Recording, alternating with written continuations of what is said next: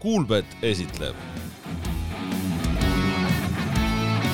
udune Albion. tervitus, head jalgpallisõbrad. udune Albion alustab ja siin ei ole mingisugust eksitust, vaid te tõesti kuulate udust Albionit. laua taga Kaspar Elissaar ja põhjus, miks täna olen siin mina,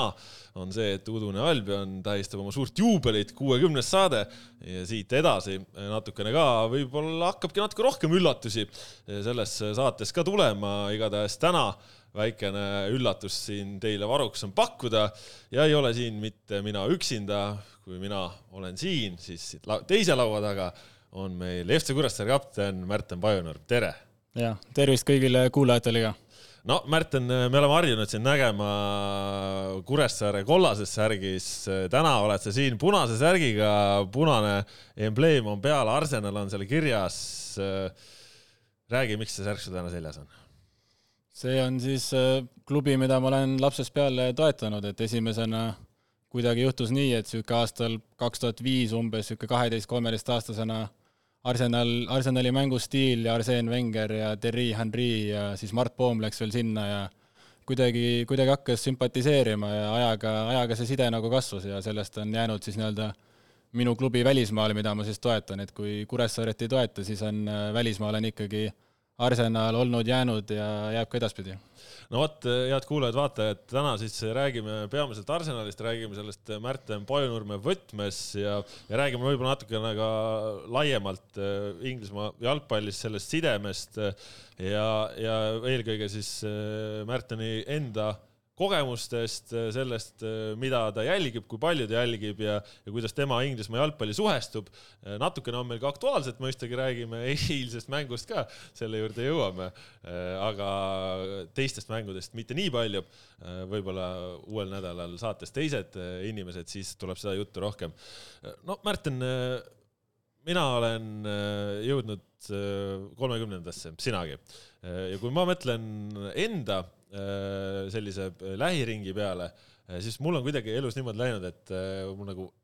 paremad sõbrad, kes mul on ja kes jälgivad jalgpalli, on kõik Arsenali fännid. ja, ja kui ma üritan nagu sellele panna nagu mingisugust nagu näppu peale, et millest see tuleneb, et miks kõik nagu Arsenali fännid on, siis äh, minule seostub äh, nullindate algus, Arsenal Invincibles äh,, suurepärane meistriks tulek hooaeg äh, see oli siis väga-väga ammu tänasel päeval, aga noh, mulle nagu tuleb see aeg, et noh, enam-vähem siis tol ajal minu eakaaslased olid siuksed noh, noored koolipoisid, esimene-teine klass, kolmas-neljas, noh, kuskil seal sõltub, sõltub see, sõltub mõnest, mõnel natuke niipidi, mõnel natuke naapidi, aga umbes see on see enam-vähem aeg, et kus sa nagu jalgpalliga nagu hakkad huvituma ja siis nagu ma olen enda jaoks olnud mõelnud, et aga äkki siis see on nagu see seos, et, et toona siis Arsenal oli nagu vägev ja, ja oli nagu hea ja sealt on inimestel huvi tulnud ja siis nagu teine variant, sest nagu Eestis üldse on kuidagi väga palju Arsenali fänne, et äh, on siis nagu Mart Poomi side on ju, mis, äh, mida, midagi sina põgusalt mainisid, et kuidas siis sellega on, et kas tegelikult nagu, et hoolimata sellest, et Arsenal pole nagu mitukümmend aastat mitte midagi võitnud, tegelikult oled glory hunter või? ei, vastupidi, et äh, kui oligi see Invincibles, et ütleme, et napilt jäin sellest rongist maha, et siis oli veel natuke liiga noor ja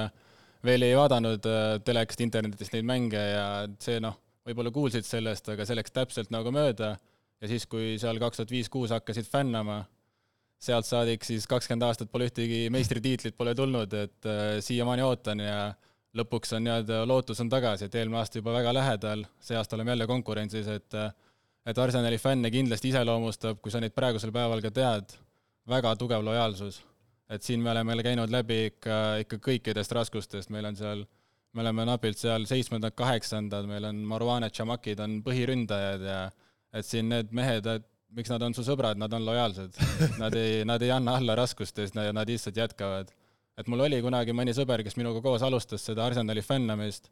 paar aastat hiljem vaatas, Barcelona on ikka ägedam. Ja läkski üle Barcelonale ja ma tänase päevani tuletan talle seda meelde, et kui ta veel Arsenali fänn oli aga ta ütleb, et ta oli Fabregasi fänn ja Fabregas läks Barssasse, et ta pidi edasi liikuma. aga noh, me teame, et see ei ole, see ei ole päris tõsi. aga jah, see on kindlasti Mart Poomi selle eduka, aga mina arvan, et Arsene Wenger ja see mängustiil lihtsalt minule ja mu isale ja kõik, kes minu sõbrad, nagu lihtsalt see, see mängustiil, need kiirused, kui Arsenalil oli hea päev, siis see oli nagu midagi fantastilist vaadata, need mängu, need, need rünnakud, need kombinatsioonid, et nad ei suutnud seda võib-olla stabiilselt näidata, miks nad meistriks ei tulnud, aga ilusal päeval Arsenali vaadata oli ikka nagu fantastiline ja see, see oli see, mis mind tõi sinna või jättis sinna külge siis. no sa mainisid oma isa, su isa Eesti tasemel tippkohtunik Rein Pajunurm, praegune kohtunike vaatleja. kui au sees teil kodus jalgpalli oli, oli teil kodus nagu palju jalgpalli vaatamist ja nagu ka tema kaudu kuidagi jõudsid Arsenalini või? Äh, ma arvan, et pigem jõudis tema minu mõjutuste kaudu läbi aastate pikkuse Arsenali vaatamise ja tal hakkas ka Arseen Wenger ja see mäng ikka, Wenger pool hakkas talle väga meeldima, et need ka samamoodi nagu ma just rääkisin, need, need rünnakud, kombinatsioonid ja kiirused ja seal Valkotid ja kõik need uskumatud vennad, Ramsid ja kes meil see noor nii-öelda Inglise tuumik seal omal ajal oli, et äh, pigem hakkas nagu see, sest tal Inglise pallurid on alati sümpatiseerinud, et äh, hakkas see meeldima, aga pigem minu mõjutustega, aga aga lapsest peale ja ikka nagu kodus on jalgpalli on palju olnud, oleme alati, oleme vaadanud, oleme uudiseid lugenud, seotud olnud ja ja koondiste mängudel. Lapsest saadik, seal vahepeal, ma arvan, et viieteist aastaga mul jäi mõni üksik Eesti kodumäng vahele, et et jalgpalliside ja fännlus ja nüüd on mul isal ka, oli just Raplas ajalehes oli ka lugu, kuidas mehel on sada salli on kodus seina peal, et nii Eestist kui välismaalt ikka väga palju klubisid ja riike, et et kasvasime, isa ise kasvas jalgpalli, võrkpalli ja kergejõustiku ja muudega üles, et tema leidis jalgpalli alles seal kakskümmend viis pluss aluses, aga, aga kasvatas üle, üles kasvasime ikkagi jalgpalliperekonnas. no ja eks tema üleskasvamise hetkel, ta ju Saaremaalt pärit sealt eh, Orissaare poolt, et ega tol hetkel ka veel eh, Kuressaare ei olnud ju loodud, ütleme tema, tema nooruses Kuressaare siin kolmekümne aasta vanune klubi. ja et nemad pigem külade vahel mängisid seal, talvel mängisid jäähokit, eh, erinevad piirkonnad seal omavahel ja suur kergejõustik ja korvpall ja sellised olid ja tõesti rohkem au sees, et jalgpalli avastas ja hiljem läbi siis nagu mängimise ja siis ka kohtuniku tee, et et ma olen väga, väga õnnelik, et ta seda tegi. no sul on äh, vanem vend ka, Kristjan, äh, tema on ka jalgpallihuviline, aga mitte Arsenali fänn. sellega on tõesti natuke kehvemini läinud, et äh, vend on siis Manchester Unitedi fänn, et käis ka eelmine aasta siin kohapeal ja vaatamas Old Traffordil isegi, et et on juba aastaid olnud nagu tulihingeline toetaja ja selles mõttes on äh, vahepeal juba hakkas natuke kahjudas, kuna Manul läks väga kehvasti, aga nagu Manu alati suudab kuidagi üles tulla ja praegu on, praegu on Manul ka hea aeg, et et tal ka tore jälgida, et selles mõttes, et Manu võiks nagu konkurent olla, aga päeva lõpuks võiks alla jääda, et vahepeal nad olid juba nii kehvad, et nagu nendega ei olnud enam isegi huvitav. et aga jah, vend on aastaid juba Manu fänn olnud ja selles mõttes kodus äh, kodus või nagu jah, pere, perekonnaringis on nagu väga lõbus on äh, lõppida, kellel hästi läheb. aga sina oled siis nagu ikkagi suutnud äh, siis vennale selles osas ära teha, et isa on rohkem nagu Arsenali usku pööratud, mitte Unitedi usku või? jah, et ma arvan, ma ei teagi, kuidas, kas äh, noorem on enam siis venda polnud kodus ja vaatasime Arsenali ja ta siis nii tugev Manu fänn veel ei olnud, aga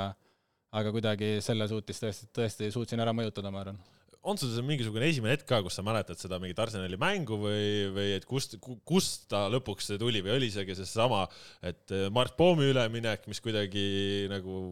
aktiviseeris, sest nagu tol ajal, kui Mart Poom ju üleminekut tegi, sa olid ju ka väravaht, sa ei olnud veel keskkaitse tol hetkel. jaa, et Poom on läbi aegade suurim iidol mul olnud, et eh, see kindlasti mõjutas ja see oli ikkagi noh, Eesti, Eesti mees läheb järsku, läheb Arsenali, et eh, kuigi mitte põhiväravahiks sellel hetkel, aga see oli ikkagi täiesti uskumatu, et seal ikkagi äh, jälgisid igapäevaselt seal noh, Soccerneti foorumeid ja asju, et kus mingitki uudist nagu Poomi tegemiste kohta, et äh, see, see kindlasti,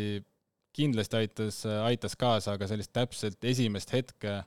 no see kaks tuhat kuus meistrite liiga finaal, kui kohtunik andis punase kaardi selle asemel, et edu mängida ja oleks nagu kõige vägevam mäng üldse Barcelona Arsenal, kes sellel hetkel kaks maailma parimat tiimi, et äh, kümne minutiga see mäng tehti ära, kuigi Arsenal läks üks-null juhtima ja oli, oli väga reaalne variant, et võtame selle meistrite liiga ära, aga aga lõpuks ikkagi Barcelona võttis oma seal kaks-üks, lõpus löödi kaks väravat ära. et see mäng on väga hästi meeles, et seal Invincibles ja sealt hooaegadest mina ei mäleta, et nagu telekas kindlasti neid mänge veel ei olnud ja sellel ajal internetis ma arvan, neid striimimisi võimalusi ka veel kümneaastasena võib-olla ei osanud leida, aga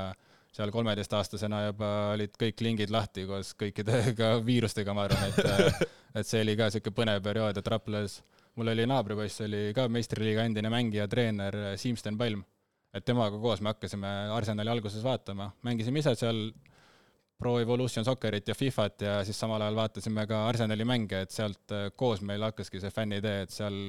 kõik need saidid, ma arvan, käisime läbi, kust vähegi vaadata sai ehk siis nädalavahetusel oli teada, et eh, kui endal midagi trenni mängu ei olnud, siis eh, Arsenali mäng oli nagu aamen kirikus, et. jah, et sellest eh, tihti ka olenes, et hea nädalavahetus oli siis, kui ise võitsid ja Arsenal võitis, okei okay, nädalavahetus oli, kui ise võitsid ja Arsenal kaotas, ja kui ise kaotasid ja Arsenal kaotas, siis oli ikka, mast oli päris maas. kui palju tänasel päeval sa Arsenalile kaasa elad? Üpris aktiivselt, et äh, mitte nii aktiivselt kui võib-olla vahepeal või vanasti, et äh, kui mõni mäng jääb vahele või mõni tähtsam tegevus, ei ole mingit probleemi, aga kui vähegi võimalus on, siis ikka vaatan. Ja eile oli ka, sõitsime Leepojast bussiga tagasi, panin mängu peale ja no tegi bussisõidu ikka väga palju lõbusamaks, et see oli fantastiline mängupilt oli eile, et äh, see oli väga lõbus ja kursis olen ikka, et loen, loen ka seal Foorumit, loen Redditit, et äh, hoian nagu Arsenaliga nii-öelda tippjalgpallist on ka ainukene, mida ma jälgin nagu siis äh, ütleme nüüd intensiivsemalt ja olen nagu väga hästi kursis, aga aga kui mängud jäävad vahele, et ma sellepärast midagi ja midagi ära ei jäta, et nagu Arsenali mängu eraldi vaadata. kui palju ütleme, et Arsenali kõrval sul mingisugust äh, muud sporti või on sul midagi veel, mida sa jälgid nii-öelda enda mängimiste kõrval, mingid teised spordialad, vaatad midagi? jaa, kunagi ammu, korvpalli on alati natuke meeldinud vaadata ja siis kunagi ammu, kui Ricky Rubio läks NBA-sse, siis äh, sõbraga, sellesamaga, kes Arsenali pealt läks Barcelona peale, temaga hakkasime siis ka Minnesota Timberwolvesi jälgima, see oli ka juba aastal kaks tuhat üheksa, kaks tuhat kümme. Ja väga hakkas meeldima see meeskond ja siiamaani jälgin, et äh, mänge saab küll vahel väga harva vaadata, et äh, hiljuti olingi, kui ma olin siis, tulin reisilt tagasi ja oli nii-öelda jet lag, öösel ei saanud magada, siis sain kohe mõne NBA mängu vaadata ja nüüd, kui haige olin ja öösel üleval, siis, siis ka sai vaadata, et et seda NBA-d ma jälgin, et muud korvpalli, tennist, tennist meeldib ka natuke ise mängida ja natuke jälgida aga peamiselt on jah, siis NBA-s seda ühte võistkonda jälgin ka, et äh, natuke midagi teisest spordist ja muidugi eile öösel oli ka Super Bowl, mida, mida ka oma silmaga natuke laivis vaatasin, et äh, see on ka iga aasta niisugune vägev sündmus, et Ameerikas neli aastat elades ikkagi esimesed kaks aastat ei saanud mitte midagi veel aru. Aga siis vaikselt hakkasid juba hindama ja siis, kui Ameerikast tagasi tulin, siis mõni pühapäev ikka panen NFL-i seal mängud peale. ja täiesti, noh, täiesti teistsugune spordiala, et siin millegagi meil võrrelda ei ole, aga jah, siit Eestis nagu nullist seda vaatama hakata, väga keeruline, et seal neli aastat, iga kord, kui ma vaatasin, ma küsisin mingeid reegleid üle, et väga, väga keeruline spordiala ja väga segane ka, aga eile Super Bowl oli taaskord täiesti uskumatu vaatemäng. no tõesti, need vaatajad-kuulajad, kes võib-olla ei ole kursis, sa õppisid äh, Ameerikas ülikoolis äh, majandust lõpetasid selle cum laude, aga selle kõrval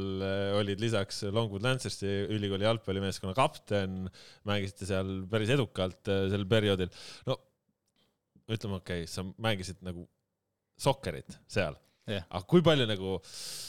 kogu selle Ameerika jalgpalli kõrval nagu, et said sa nagu mingite nende kursak, kursakatega, kes ei olnud sinu võistkonnakaaslased, said sa rääkida üldse nagu tol ajal ka, mis on sokker ja mis on näiteks Arsenal või et kui, kui nagu populaarne tol hetkel äh, Ameerikas äh, eurooplaste jalgpall oli? ikka on ja see on ta väga kasvav spordiala, et äh, kas või nüüd äkki mõni jälgis seda Alex Meinhardti uskumatut teekonda kuni meistritiitlini välja, et seal on ikkagi äh, ülikooli jalgpall, aga tuhanded inimesed tribüünil ja see populaarsus, et äh, on väga-väga korralik, pluss ikkagi paljud ja seal on väga palju erinevaid nagu need rahvuseid, mis jälgivad siis rohkem, võib-olla see kohalik,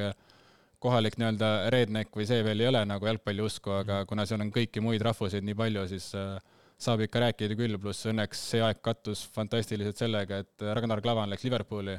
ja siis sa iganädalaselt Liverpooli mänge said näidata öelda, et kuule, et seal on eestlane platsil, kus ameeriklased on, vaata et seda sai, seda kaarti, see selles mõttes sel hetkel oli põhimõtteliselt, eestlane oli parem kui kõige parem ameeriklane, et äh, seda kaarti sai kõvasti mängida ja see aitas nagu, aitas näidata, et mängitakse jalgpalli igal pool ja ka Eestist tulevad uh, uskumatud jalgpallureid. et uh, teavad küll ja selles mõttes ikkagi iganädalaselt seal kuttidega ja ka tennises ja mõned teised spordiala vennad ikkagi jälgisid jalgpalli väga aktiivselt. no see Klaavan tõi sulle seksi hüüdnime ka või? Jah, kuna ikkagi e-, Eesti keskkaitse vasakjalgne, siis äh, sealt jah, mingid klavane ja mingid erinevate nurkade alt sealt äh, seda, seda tehti ka, jah no äh, tänasel päeval Ragnar Klavaniga ka natukene sul kokkupuudet on selles mõttes, et tema on Verstoni üks omanikest, kus sina ka igapäevaselt siis ärianalüütikuna töötad. kui lihtne on, ütleme,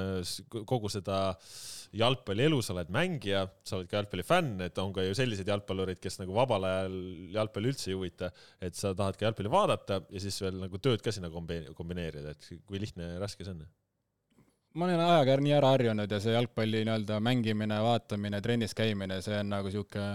päeva parim osa või boonus, et see ei ole niisugune, et tööpäev saab läbi ja nüüd on, ah, peab trenni ka minema, vaid see on niisugune, et oh, millal saab trenni minna, et mulle siiamaani jalgpall meeldib nii väga ja üks päev just nägingi Ragnarit ka ja siis uh,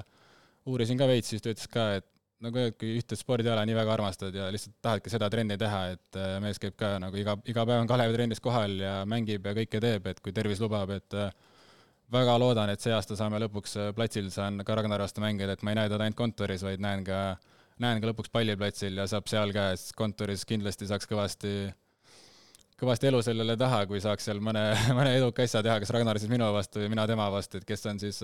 sellel hooajal võib-olla kõige kõvem verstane jalgpallur, et äh, ootan huviga ja loodan, et see aasta platsil kohtume. no selles mõttes teil on see töökollektiiv päris huvitav, et seal Verstonis on väga palju endiseid kõrgliiga taseme jalgpallureid, madalamate tasemega jalgpallureid ja noh, Verstoni suur boss on Paide linnameeskonna äh, president Veiko Veskimäe, sina oled Kuressaare mänginud, sa oled tegelikult ka Paides mänginud, et äh, omal ajal onju. kui palju teil nagu tööalaselt seda äh, aasimist jalgpalliga seoses on? väga palju ja üldse see on, ma arvan, üks kõige sportlikumaid kollektiive üldse, et peaaegu, noh, ma arvan, et väga raske on Verstonisse tööle tulla, kui sul ei ole mingit spordiala, et äh, kuigi meil on ka seal korvpallureid ja krossi vendi ja igasugu muid tegelasi, siis jah, jalgpalli peale on see ettevõte pooled üles, üles ehitatud, et Eesti siin suurimad teedeprojektid viimasel aastal, mis on siin tehtud, siin igasugused neljarealised ja lennujaamad ja asjad, et kõik on, kõik on jalgpallurite pool tehtud. et äh, Veiko omal ajal nad teadsid, mida nad tegid, kui nad need Paide Paide parimad poisid saatsid äh, Tehnikakõrgkooli teedeehitust õppima ja mille peale nad selle vundamendi rajasid, et äh, et jalgpalluritest on tõesti väga head, nagu väga hea meeskonnatöö ja väga hea selline õhkkond on töö juures, et äh, selline jah, läbi nii-öelda spordiinimeste on see ettevõte üles ehitatud, et Veiko need väga hästi on teadnud, mida teevad ja väga äge on aga kas lõunalauas või, või kohvi kõrval on jutt premium-liigast või Premier League'ist? Premium-liigast ikka seal on Eesti sport on, äh, peamine on ikka Eesti sport, et seal noh, Kosovo vennad just käiski, suur punt käis meil näiteks Euroliiga Žalgirist vaatamas, korraldati seal reis ja aga muidu on ikka Eesti sport on au sees ja egagi töö juures oli, kui ma ikkagi hea mängu tegin ja värava, värava lõin, siis järgmine päev kontoris äh, lõuna tehti mulle tasuta välja, et seal oli, oli väga selles mõttes äh, toetav ja ikkagi kõik jälgivad ja kõik on väga hästi on kursis ikka, et nii kui kontorisse lähed, siis kõik kohe, kõik uurivad, et mis seisud on ja värki, et seal väga, väga äge keskkond on. no kui me tuleme selle Arsenali fänniks olemise juurde, siis noh, sa ütlesid väga noores eas hakkasid neid jälgima. sellises eas on tavaliselt ka mingisugused väga selged lemmikud. kes sinu lemmikud olid, kui sa seda Arsenali vaatama hakkasid? Äh, jah, kui Marpo on välja jätta, siis ikkagi sellel hetkel oli Thierry Henry oli lemmikmängija, kes siis mingil hetkel Arsenal ehitas uue staadioni ja rahad olid otsas, tuli Barcelonasse maha müüa ehk siis tuli uus lemmikmängija leida, leidsin Aleksander Hlebi väga äge mängija, sokk eriti madalal, väga stiilse liigutusega. kas sealt on ka sinu see madal sokk tulnud või? see on aidanud kaasa sellele, et see on kindlasti üks mõjutusi. ja siis oli Hleb, läks tema Barssasse, siis mõtlesin, okei okay,, et siin järjest lähevad vennad Barssasse ära, et võtan siis natukene madalama kaliibriga mängija, et ei taha no ilma jääda. võtsin Alex Songi, tegi fantastilise hooaja, läks ka Barcelonasse siis ma olin noh, sellel hetkel noorena ma olin ikka, süda oli väga murtud ja mõtlesin, et ma pean lemmikmängijaid hakkama valima väljaspoolt Arsenali, et lihtsalt see üleminekud on liiga valusad. sellel hetkel noor staar oli Paul Pogba Juventuses, hakkasin nagu teda rohkem jälgima, oli sihuke väga äge. ja siis ta läks Mänusse, ehk siis pidi sellest ka loobuma.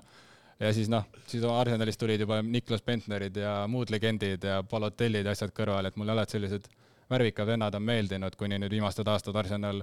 hakkas noorte talentide peale ehitama ja noored Brasiilia talendid on alati kõige ägedamad olnud, et nüüd Martinelli ütleks, on hetkel võib-olla lemmikmängija. et noh, viimased paar aastat olnud, et nii kui ta Arsenali tuli, ma hakkasin kõigile sulle kaasa arvatud ütlema, et see on legend. ja nüüd paar aastat hiljem kõik näevad, et nii on no selles mõttes on Arsenali fänniks olemine ka, ma kujutan ette, päris nagu huvitav või eriline, et ongi, kui sa hakkasid jälgima, oli Arsenali kolmas väravat eh, Mart Poom, tänasel päeval on Arsenali kolmas väravat Karl Jakobein, jälle Eesti poiss, nagu kuidas see mõjutab, kui sul on oma välismaa lemmikklubi, mida sa oled mingist ajast peale harjunud jälgima ja seal on nagu Eesti vend on seal sees. See on, see on tõesti uskumatu, ma polegi selle peale natuke aega niimoodi mõelnud, et äh, et tõesti kahekümne aastaga on see ring on, ring on nagu täis saanud ja näed seal noh, igasugu videosid ja pildis nagu heina ka ja uuridki vahepeal noh, mõni endine heina meeskonnakaaslane, kellega ise mängid, et siis uurid, et kuule, et järgmine kord näed heina, siis palun, palun küsi, et kuidas William Saliba on trennis nagu, kuna see vend on lihtsalt täiesti uskumatu mängija platsil, et kas ta on trennis ka nagu niisugune loom ja kas ta on jõusaalis loom ja et saad nagu isegi natuke siseinfot ja saad ligi sinna, et et see on Eesti niisugune suur pluss, et meil on niisugune väike riik, kõik teavad kõiki ja saad nagu, saad otseallikale niimoodi ligi, et mina, mina väga hindan seda ja see on väga lahe ja loodetavasti äh, jõuan ise ka ühel hetkel ikkagi sinna Arsenali mängule koha peale Emiratesile, et äh, seda pole veel õnnestunud teha, kuna lihtsalt hooaeg on selline, et äh, ei ole veel kattunud kui palju, kui sa siin mainisid Salibat ja üldse ongi noh, huvitav, et kuidas tema mingeid asju teeb, kui palju sind nagu ütleme siis sinu jalgpalluriks kujunemise juures nagu see on mõjutanud või rolli mänginud, mida sa oled näinud või vaadanud, et vaatad,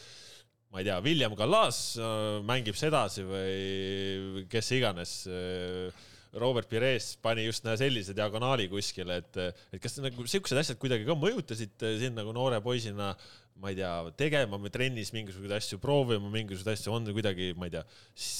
ma ei tea, jättis keegi sind sellepärast hakkasid, ma ei tea, karistuslööke harjutama või no mis iganes, et on, on, kas mingi selline jalgpalli vaatamisega tekkinud mõju sinu enda mängule või tegemistele, on, on sellist asja olnud või, või pigem mitte? Äh, kindlasti on ja Raplas vanasti noh, mu üks nii-öelda eeliseid oligi see, et ma kasvasin Raplas üles, mis tähendas, et staadion oli lihtsalt põhimõtteliselt enda oma, võisid käia palju tahad ja sõbraga suvel kasvasime staadionil üles, et äh, need, mida platsil nägid, need seal suvel proovisid staadionil järgi ka, lihtsalt äh, suvel on mõnikord nendel paus, kui meil nagu kõige parem hooaeg nagu mängimiseks, et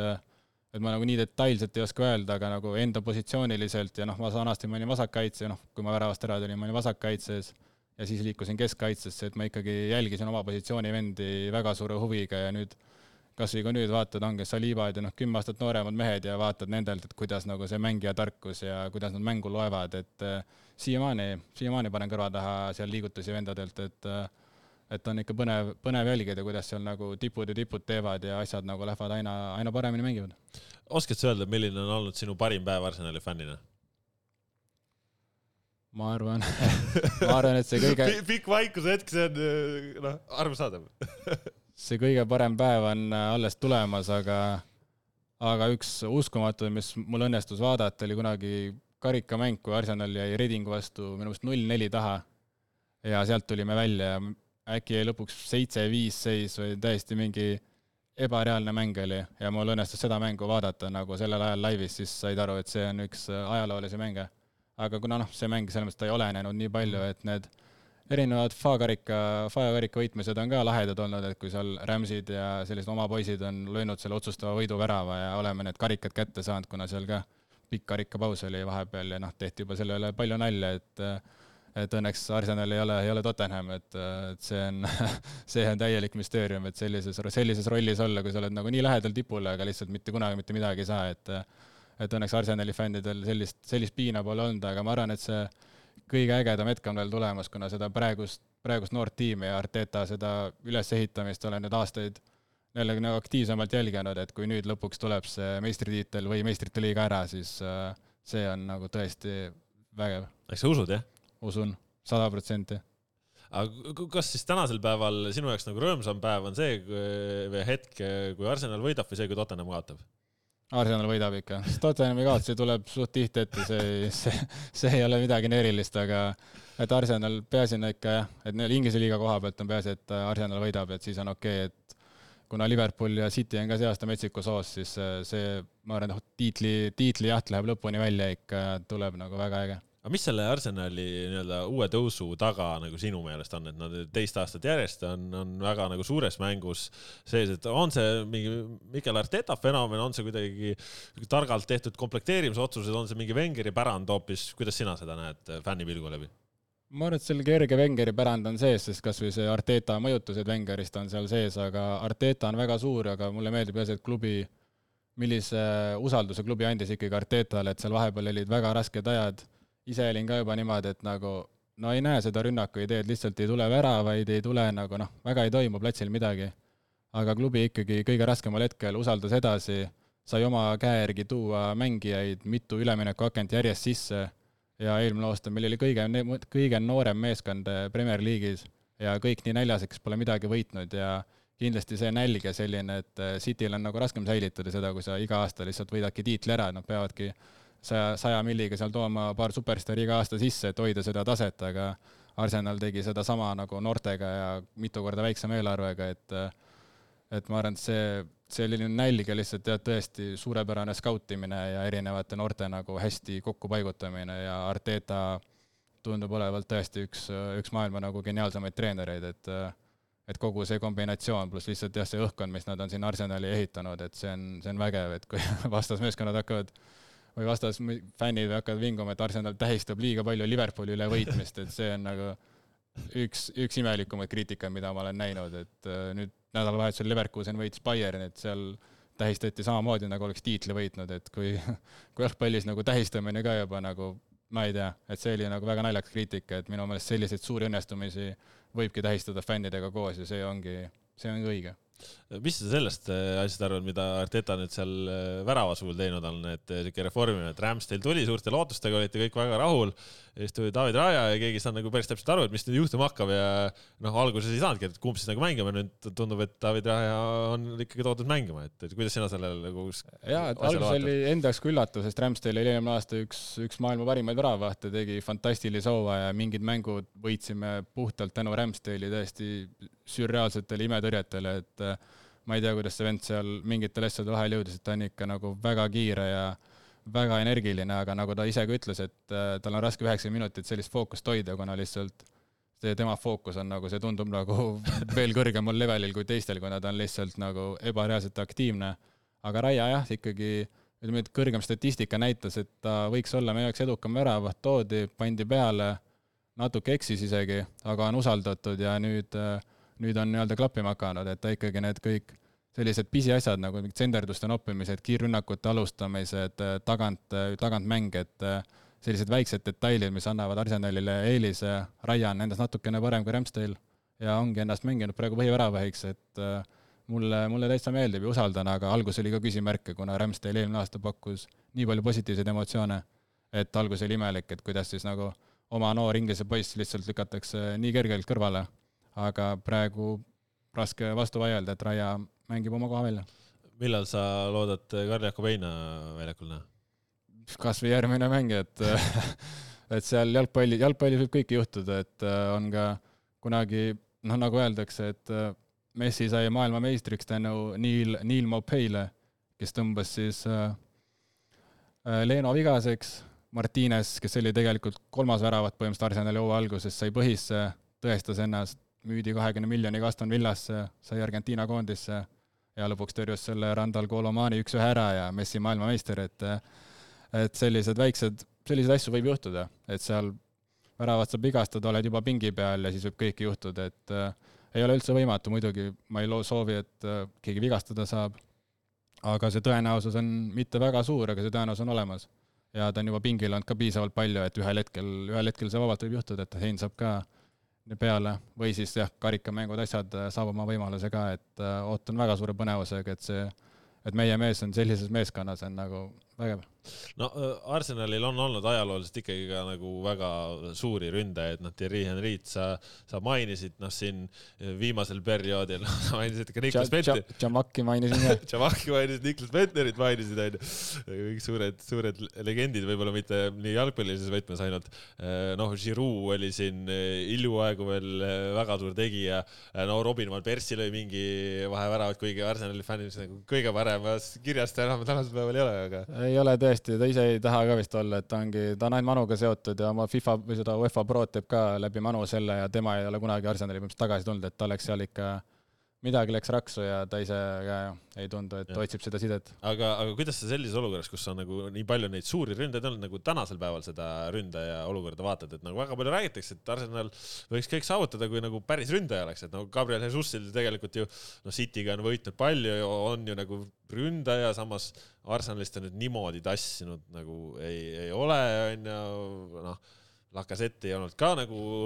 päris see tase, nüüd noh, tänasel päeval väravad tulevad tihti palju äärte pealt, Saka, Martinelli, noh, ja võib-olla kas siis on seda ründajat üldse vaja, kui Ödegaard seal ükskõik kelle neid palju paneb, kuidas sa seda nagu ründaja olukorda seal praegu vaatad, et on, on sinna vaja seda mingit või, või polegi vaja? vahepeal on niisugune tunne, et oleks seda vaja, aga samas on tõesti, meil on mäng on nii mobiilne ja need väravad jaotuvad nagu üpris ühtlaselt ära, et Jesus alguses tuli, siis lõi väravavõrgud lõi puruks, vaatasid, et mis vennad nagu City ära lasi, et siit hakkab tulema, aga ikkagi stabiilselt ei suutnud nagu sedasama taset hoida, pluss talle meeldib tõesti liiga palju väljaku peal nagu ringi joosta, et vahepeal öeldaksegi, et et Jesusile kohati meeldib olla rohkem Patrick Vieira kui Thierry Henry, kuna ta lihtsalt töötab metsikult tagasi ja võidab neid palle ja nagu on tõesti, ta on imeline mängija. aga jah, selline, et värav ees õigel ajal õiges kohas, et lihtsalt lükkad tühja ära nagu Jesus ega Havertz ega, ega keegi seda tüüpi ei ole, et vahepeal mõtled tõesti, et kui siin jah, City nüüd toovad Haalandid ja sellised vennad omale, et kui Arsenalil oleks üks kindel vend seal ees, kes lööb sul, muidugi ei ole garanteeritud, aga lööb sul hooaja peale kakskümmend viis, kolmkümmend väravat, et kas siis midagi muutuks, pluss kas see teeks nagu Saka ja Martinelli ja teiste meeste elu nagu lihtsamaks, kuna tähelepanu läheb ühe venna peale, aga aga selliseid vendi, kes suudaks seda nii-öelda Arsenalile pakkuda ja sobiks sinna mängujoonisesse, on võib-olla parimal juhul ühe käe sõrmedel üles, üles lugeda, et äh, mina nagu seda praegust, seda usun ja ma arvan, et äh, selle taha midagi ei jää, et me oleme teist aastat järjest konkurentsis ilma siis nii-öelda suure ründajata. et äh, ei kurda ja väravaid lööme ja neid tuleb igalt poolt ja väga vägevaid, et äh, et asi toimib, aga, aga kindlasti jah, see küsimus nagu jääb, et kas, kas mingi vägeva ründajaga, noh näiteks Benzema talvel oleks laenule tulnud nagu, kes teab, mis siis saanud või noh, võiks saada. aga need on jah, hetkel sellised oleksid, et äh, ma arvan, et praegune seis ei ole üldse, ei ole üldse kehva. kuidas seda üleminekupoliitikale nagu selles võtmes vaatad, et, äh, et Arsenal tihti on olnud selline nagu majanduslikult väga heas seisus ja nagu raha nagu isegi on, aga, aga väga nagu raudasid võib-olla lahti ei tehta ja vaadatakse, noh, juba Wengeri ajal vaadati mingisugust sellist natuuri tüüpi, kes võiks nagu särama lüüa, kes enne võib-olla pole nii suur olnud, et noh, nüüd võib-olla üks suur üleminek, mida saab mainida, ongi Declan Rice'i toomine on ju keskväele Granit Xhaka asemele, et, et kuidas sa nagu seal jah, ütleme, et aastaid tagasi, kui ma hakkasin vaatama, siis ikkagi jah, see staadioni ehitus ikkagi pani väga suured eh, piirid peale, nagu ma olen aru saanud, et seal ikkagi superstaare oli väga keeruline sisse tuua, et see eelarve võrreldes teistega oli väga väike, et et see, et vahepeal, mis imesatsidega suutis Wenger nagu top nelja Arsenali vedada, et sellest sa said alles siis aru, kui Wenger läks ära ja järjest seal Emerid ja kes seal kõik peale tulid ja nagu ei vedanud välja, et olimegi seal seitsmendad, juba kaheksandad põhimõtteliselt, et et Wenger suutis tõesti nagu nullist ka võtta välja nagu imelisi tulemusi. aga, aga nüüd jah, viimased aastad on nagu edukamaks läinud ja on klubi rohkem investeerima hakanud, et ei kardeta ka väga suuri üleminekuid teha ja Declan Rice toodi saja miljoniga peale, oli alguses palju nii-öelda noh, kõrvalt siis palju küsimärke ja see vend on terve hooaja mänginud niimoodi, et põhimõtteliselt hinnalipikut pole meelde tuletatudki. et mees tuli ja lihtsalt mängis selle sada milli lauda, samal ajal kui noh, näiteks Manus on Antonil sul saja milliga, et et ütleme, et saime, saime selle euri eest, saime kindlasti parema diili kui mõni teine klubi, et et enam tõesti Arsenal ei karda neid suuri diile teha, et turul vahel sul on vaja sekkuda ja kui see võimalus on, siis siis Arsenal teeb ja ma arvan, et seda on olnud vaja, et need viimased pusletükid ka nüüd nagu kokku viia, et oleme lähedal, aga aga sul on vaja ikkagi jah, metsikult alati nagu, et hoida seal tippude tipus ennast, sul on nüüd City'ga konkureerida, kes noh, teeb asju omal viisil ja noh, tihti ka mitte siis nii-öelda ausal viisil, nagu ka kõik need reeglid ja järelevalveorganid ütlevad, aga aga üritame nendega konkurentsis püsida ja selles mõttes jah, selle jaoks sul on vaja ikkagi osta vahepeal, mõni vend on vaja saja milliga ka võib-olla sisse tuua. no Declan Rice'i mainisime Declan Rice eile, äh, tegi ka suur päev oli. Arsenal käis West Hamil külas, Declan Rice'i endine koduklubi. ma ei tea, kui hästi sul seal Liepajast äh, tagasi sõites bussis kuulda oli, aga, aga ma vaatasin ise ka seda mängu. no Rice'ile alguses äh, West Hami fännid lasid natuke vilet, onju. aga no ühel hetkel siis oli seis selline, et noh, Rice pani seal standardeid ja Arsenal lõi standarditest ära ja lõi mujalt ka ja Rice lõpuks ise pani veel vikati sinna kuskile ristnurka. ja siis ei olnud nagu fännidel enam midagi öelda, sest noh, fännid olid juba ammu läinud ka. kuus kuus-null lõpuks West Hamile vaheajaks neli-null juba ja seal esimese poole järel olid aerokaadrid, kuidas staadion voolab tühjaks. noh, West Hamile kuus-null, et äh, natukene oli siin ju äh, jõulude aegu mure, et kas West Hami sugused kohad on, on see, kuhu Arsenal oma tiitlilootused paneb, aga nüüd jälle vist olete nagu mängus tagasi või? Äh, ma arvan küll, et ühe, ühe mängu põhjal nagu sellise nii hea mängu põhjal ei tasu suuri järeldusi teha, aga ei tasu, Ham, West Ham võõrsil niimoodi kotti panna lihtsalt eilsena ja noh, signaalina teistena ja teistele ja sellisena oli äge mäng ja soovitan inimestel väravad vaadata, et Arsenal standarditega viimase kahe aastaga on ka suutnud midagi ägedat teha tippjalgpallis. Nad on ikkagi väga palju suutnud standarditest erinevate kombinatsioonidega väravad lüüa, sellised ebastandardsed lahendused ja väga huvitavalt tehakse, et eile ka eile ka taaskord väga edukas ja Rice siis kaks väravasöötu ja siis oli uskumatu värav ka peal, et tõesti alguses natuke sai vilet, aga noh, ma arvan, et see on pigem selline, et no, lõpuks... Westami fännidel lihtsalt raske näha, et ütleme, et see on nagu näed, et see, näed, et su Excel läheb kuskil tulevikus veel paremini, vaata, siis korra on nagu raske vaadata, aga mingi hetk saad aru, et see on, see on kõigile parem ja tegelikult ta läks sealt väga ausalt ära ja ja klubi vastu tal täielik austus ja ei tähistanud ka midagi, et äh, ja, ja tegelikult ju oli, kui Rice lõpuks välja vahetati, siis sai ikkagi aplausi et.... jah, et mees teenis, mees teenis nii-öelda selle jah, respekti teenis ikka kuhjaga välja eile ja lõpuks ma arvan ka jah, kõige siis nii-öelda ignorantsem West Hami fänn lõpuks, noh, kes oli veel staadionile jäänud nendest, siis isegi nemad plaksutasid, et et oli jah, sihuke huvitav, aga ma arvan, et jah, Rice sai väga positiivse emotsiooniga lõpuks ikkagi sealt ära minna kuidas see standardolukord, noh, sa selles mõttes sinuga huvitav teema, et sa ise oled ka standardi ekspert siin oma Kuressaares järgi siin ja lööd neid ka ja, ja, ja no väga nagu põnevad liikumised, et seal nagu väga ebastandardsetesse kohtadesse kogutakse mehed kokku, mingid lahtijooksmised, et on see siis mingi suurepärane abitreeneri töö või? ei, seal, ma eile just lugesin, noh, jalgpalli Twitteris oli ka, et äh, selle Arsenali siis nii-öelda standardi, standardi eest vastutavale vennale tuleb mingeid auhindu jagada, et see on uskumatu, mis toimub, et seal tõesti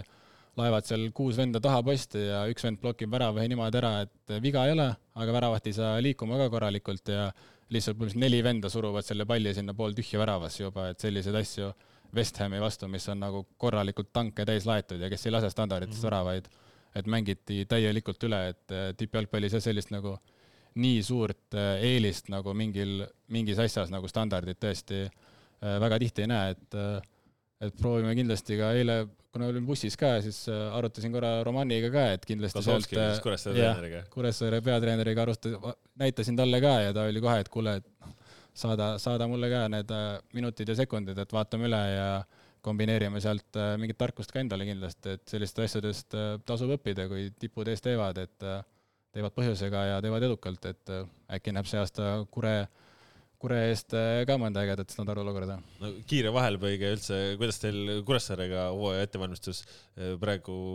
läinud on, tulemuste mõttes võib-olla mitte nii hästi, hooajani on siin nüüd alla kuu aja, aja minna, et kuidas, kuidas see minek on? suures pildis on väga hästi läinud, et treeningprotsess on hästi toiminud, oleme, koormused on, ma arvan, kõrgemad kui kunagi varem, et et enamus on hästi, hästi vastu pidanud sellele, mängupildid on väga okei okay olnud, et tulemused on jah, lõpuks paar kaotust on siin nagu tulnud, aga mängupilt on väga okei okay olnud ja eri, eriti nagu mängu algused ja selline, kui on nii-öelda põhikoosseis, eriti põhikoosseis, et siis on, siis oleme tihti ka, oleme tegelikult olnud tugevamad enamus mängudes, aga vastased on edukamalt ära lahendanud või siis jah kaugelt seal Tõnis Vanalikult meile ristnurka löönud või selliseid äh, paar imeväravat on ka pandud, et äh, aga tulemustest jah, suurt, äh, suurt numbrit ei tee, et tähtsam ongi see protsess ja treeningkoormus ja et kõigil on koormus jaotatud ja lisaks oleme saanud palju võimalusi jälgida ka nii-öelda neid uusi, uusi kurenoori, kes on peale tulemas, et kes on valmis meid kohe premium-liigas aitama ja kellel on vaja veel nagu noh, muidugi kõigil on vaja millegagi tegeleda, aga kes on, kellest oleks meil juba hetkel abi, et oleme, oleme sealt ka pildi ette saanud ja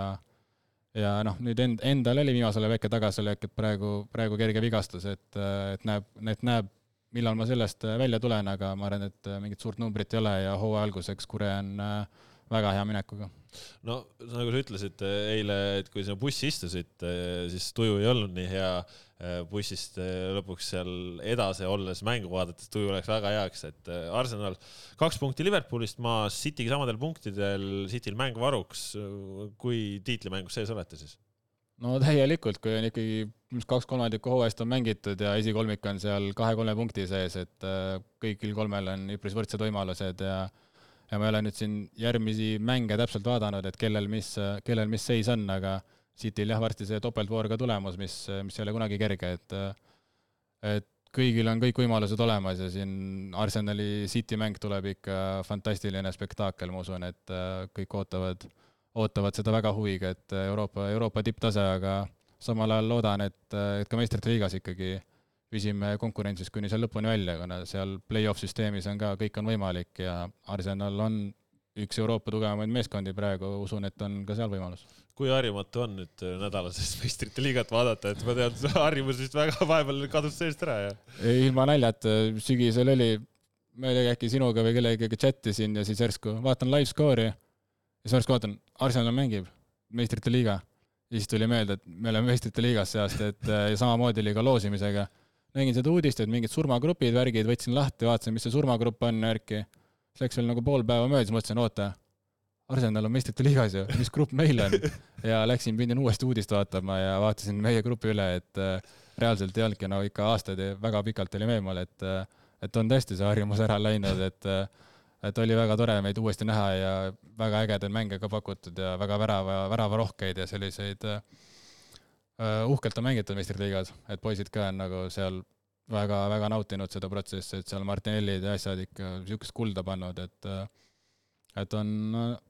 põnev teekond ja harjumus on tagasi, ütleme lõpuks. kas see eelmise aasta see liiga kaotus, nagu kui valu, valus see nagu tegelikult oli, et te juhtisite nagu ülikindlalt juhtisite, see kõik oli juba nagu täiesti olemas ja siis Villem Saliba saab vigastada ja siis nagu kõik täiesti pekkis nagu, et te olite nii lähedal, te olete mitukümmend aastat oodanud nagu, noh kõik arvasid ju, et Arsenal tuleb meistriks, see oli nagu, tundus, et raskem seda maha mängida, kui. ma päris seda ei ütleks, et raskem ja. maha mängida, kuna sellel hetkel oli Arsenal näha, et äh, City, City tuleb sealt ikka sellise, sellise rongiga, et sealt sa pead ikka väga edukalt. Äh, aga jah, see Saliba vigastus oli tõesti selline murdepunkt, et, äh, et üks mees ikkagi mõjutab palju seda kaitseliini ja olukorda, et sellest oli väga kahju. aga City, City lihtsalt võitis kõik mängud ja kui sa ikkagi hooaja lõpuks saad üle üheksakümne punkti või üheksakümmend punkti ja sa kaotad tiitli viie punktiga, et see lihtsalt, see lihtsalt näitab seda City taset, et äh, sul ei olegi noh, hooaja esimese poolega Arsenal sai, ma ei tea, viiskümmend või viiskümmend üks punkti, et äh, sellist hoogu hoida ei olegi väga võimalik, et äh, kuigi seal Rice Nelson tegi seal täiesti uskumatuid kangelastegusid ja tõi meil seal viimase minuti võite, siis, siis jah, seal üks, üks kehv periood, mitu mängu anti järjest punkte ära ja eelis läks Cityle ja sellega oligi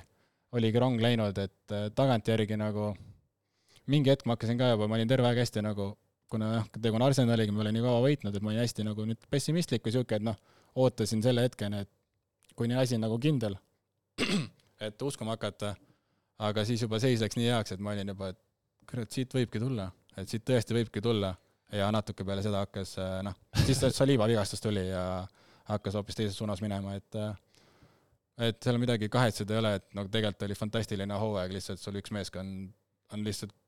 no peaaegu et võimu, noh, nii keeruline City'ga, et äh, et see aasta proovime uuesti. No kui palju sa Arsenali kõrval mingit muud Premier League'i veel jälgid, sest ma tean, et sa mängid Premier League'i Fantasy't, et kas see sunnib nagu midagi jälgima või, või kuidas sa seda Premi nagu sihuke laiem jälgimine sinu jaoks, kuidas sa teed seda? liiga palju mänge ei vaata, aga tõesti, kui mõni kõvem mäng on või mõnikord sõpradega koos või jah, seal Fantasy's on mingid põnevamad liikumised, et siis, siis natuke jälgid, aga pigem on, pigem on niisugune live score ja pärast vaatad võib-olla highlight'e, selliseid lahedamaid, lahedamaid olukordi, aga jah, see nagu Eesti, Eesti liiga Fantasy's nagu andis inimestele, toetajatele väga palju juurde, aga kuna ma ise mängin, mul on seda imelik mängida, eh, see mulle, mulle nagu ei meeldi et seal lihtsalt oleks nii palju, no mitte huvide konflikte, aga lihtsalt äh, imelik oleks jah, kui mingid vennad sinu vastu mängivad ja löövad väravaid, et et Eesti liigat senikaua, kuni ma aktiivne mängija olen, ma ei mängi, aga kui ära lõpetan, siis ma hakkan kindlasti konkureerima seal võitude peale ka. Aga jah, Inglise liiga Fantasy annab ikka väga palju juurde, et jah, meeskonnakaaslastega meil on ka oma liigad ja sellised väiksed, väiksed võidud ja karistused ja asjad on mängus, et iga voor pead ikkagi jälgima ja timmima seda tiimi, et see riietusruum ei pea pea maas ja paari, mis mingis jaanuaris auhinna võrra vaesemana tulema, et. Äh, no kellega, kellega sul siis praegu siuksed äh, iganädalased duellid on äh,, kes need jalgpallurid on ja mis teil need karistused on siis, kes kõige kehvem on? Äh, eelmine aasta oli meil juba korralik äh, kuuene liiga, aga siin jah, talvel nagu jalgpallis on, et pooled vennad poolteist jäime ilma, et siin Reinkord ja Õigus ja, ja kes seal veel, ta, lii-, ütleme, et mina, Liit ja Veering oleme alles jäänud. Ja siis jah, õigus ja Reinkord ja Allast on siis äh, talvel nagu klubist äh, edasi liikunud, et äh, oli niisugune korralik kuuene see, et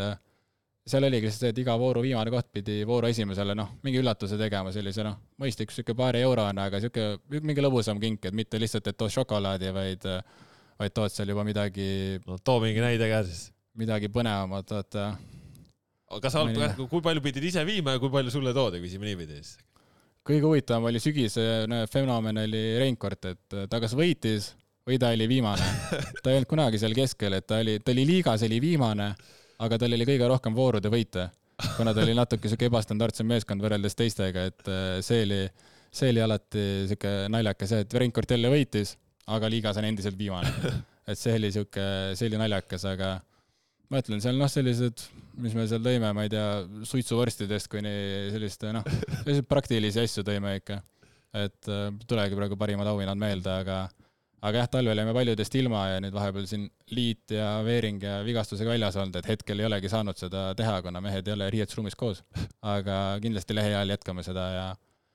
ja ootan, ootan huviga, et kuidas see hooaeg, hooaeg ka lõpeb, et endal on niisugune keskpärane hooaeg, et midagi erilist ei ole ja ma saan aru, et tegelikult nagu üks sihuke Fantasy sõbraliiga on veel, kus on nagu veel sihuke nimekam seltskond koos ja palju suurem auhind ka või?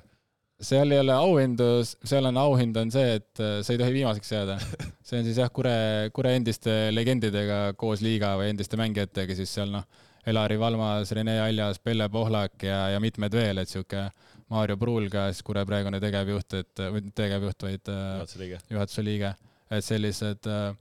need on seal jah aktiivne, aga seal jah, sa ei taha viimaseks jääda, siis see, kes viimaseks jääb, peab kogu siis nii-öelda kaheksale või suurele pundile õhtusöögi siis ise küpsetama või siis välja viima ja välja kõigile tegema, et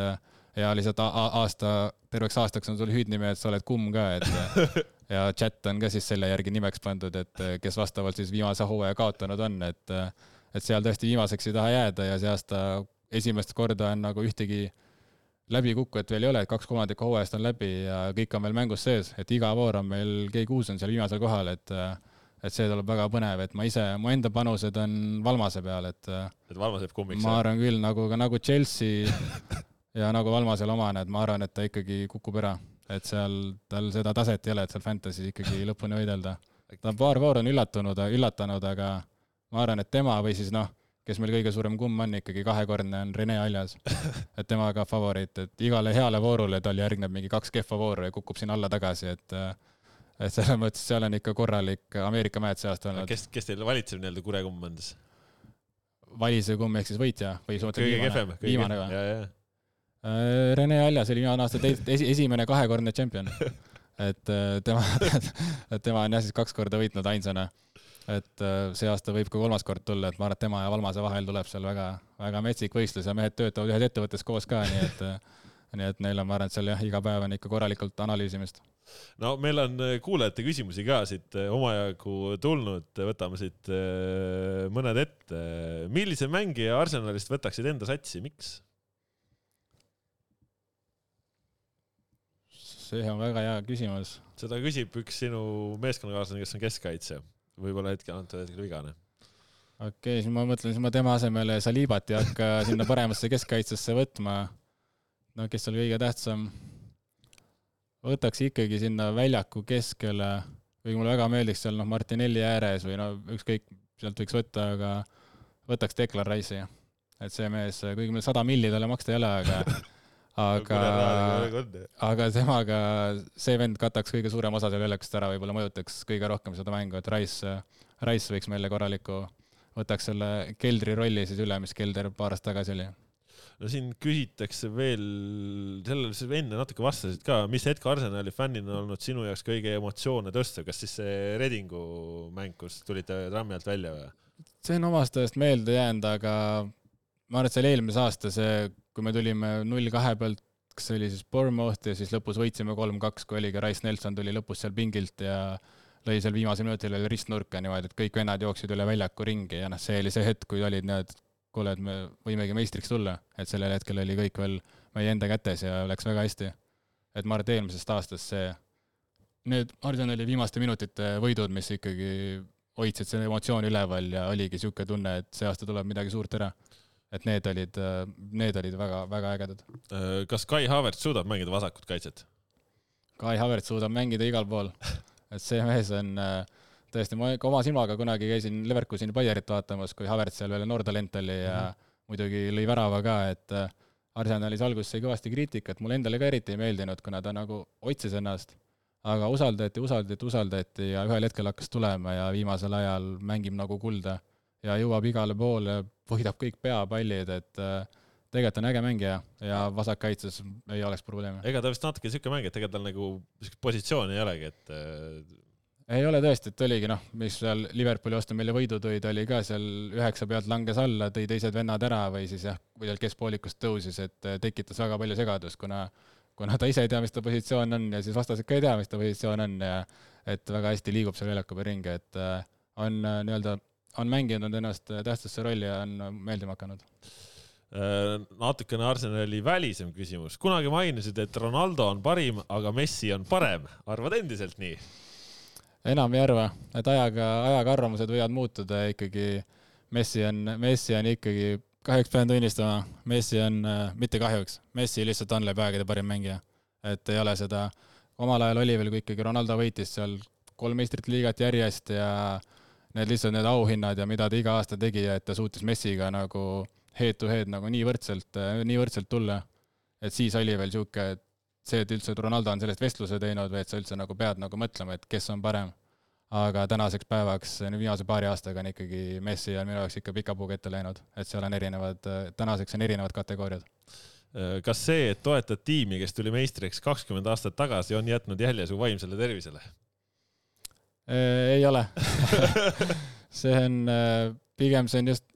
selles mõttes ta on jätnud jälje, et ta on positiivselt mõjunud.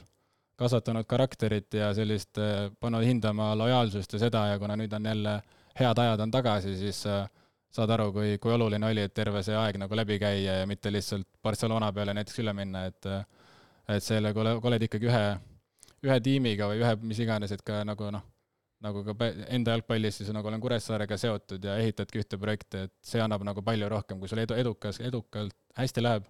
siis see tunne on ikkagi palju parem kui see, kui sa vahetad nagu vahetad neid klubisid ja vahetad jooksvalt, et kes võidab, et et on, on jätnud jälje vaimsele tervisele ka positiivse. kas Arsenal saab meistrite liiga võidu ja Premier League'i meistriks? jah. See on paslik noot, millega tänasele jutuajamisele joon alla tõmmata. aitäh, Märten, et tulid täna jah, aitäh, aitäh, Kasper ja aitäh kõigile kuulajatele. ja selline oli siis Udune Albion kuuekümnes saade milline tuleb kuuekümne esimene, eks seda kõike näete siis, aga nagu saate alguses öeldud, siis ilmselt nüüd natukene rohkem saab selliseid eh, erisusi siin ka tavapärasest rütmist eh, välja minevaid lükkeid olema. Kas ka mind siin veel näha saab, aeg näitab, võib-olla mitte kõige tõenäolisem, minu kõige suurem side Inglismaa jalgpalliga on põhimõtteliselt see, et kui ma vaatan mulle selga, siis mul isegi ei ole Inglismaa jalgpalliga seotud särke, aga ma ütlesin kõige lähedasemalt, kui tulen nagu Inglismaa jalgpallist rääkimas podcast'i, ma panin ühe Londoni alternatiivroki bändi Foolsi särgi panin selga, et see oli siis nagu London, et noh, nagu Londoni Arsenal, peaaegu sama. sina pead äkki siis päikseline Madrid või mingi sellise tegema nagu sulle rohkem huvi pakub? Nojah, et äh, mulle jah, päike meeldib rohkem kui see udune värk, aga, aga vot sellised eh, jutud täna siis siin kuuekümnendas Uduse Albioni saates. saate teid teinud Kaspar Elissaar ja FC Kuressaare kapten Märten Pajunorm. aitäh, et meid kuulasite, vaatasite uute jalgpallijuttudeni juba uuel nädalal. Adjöö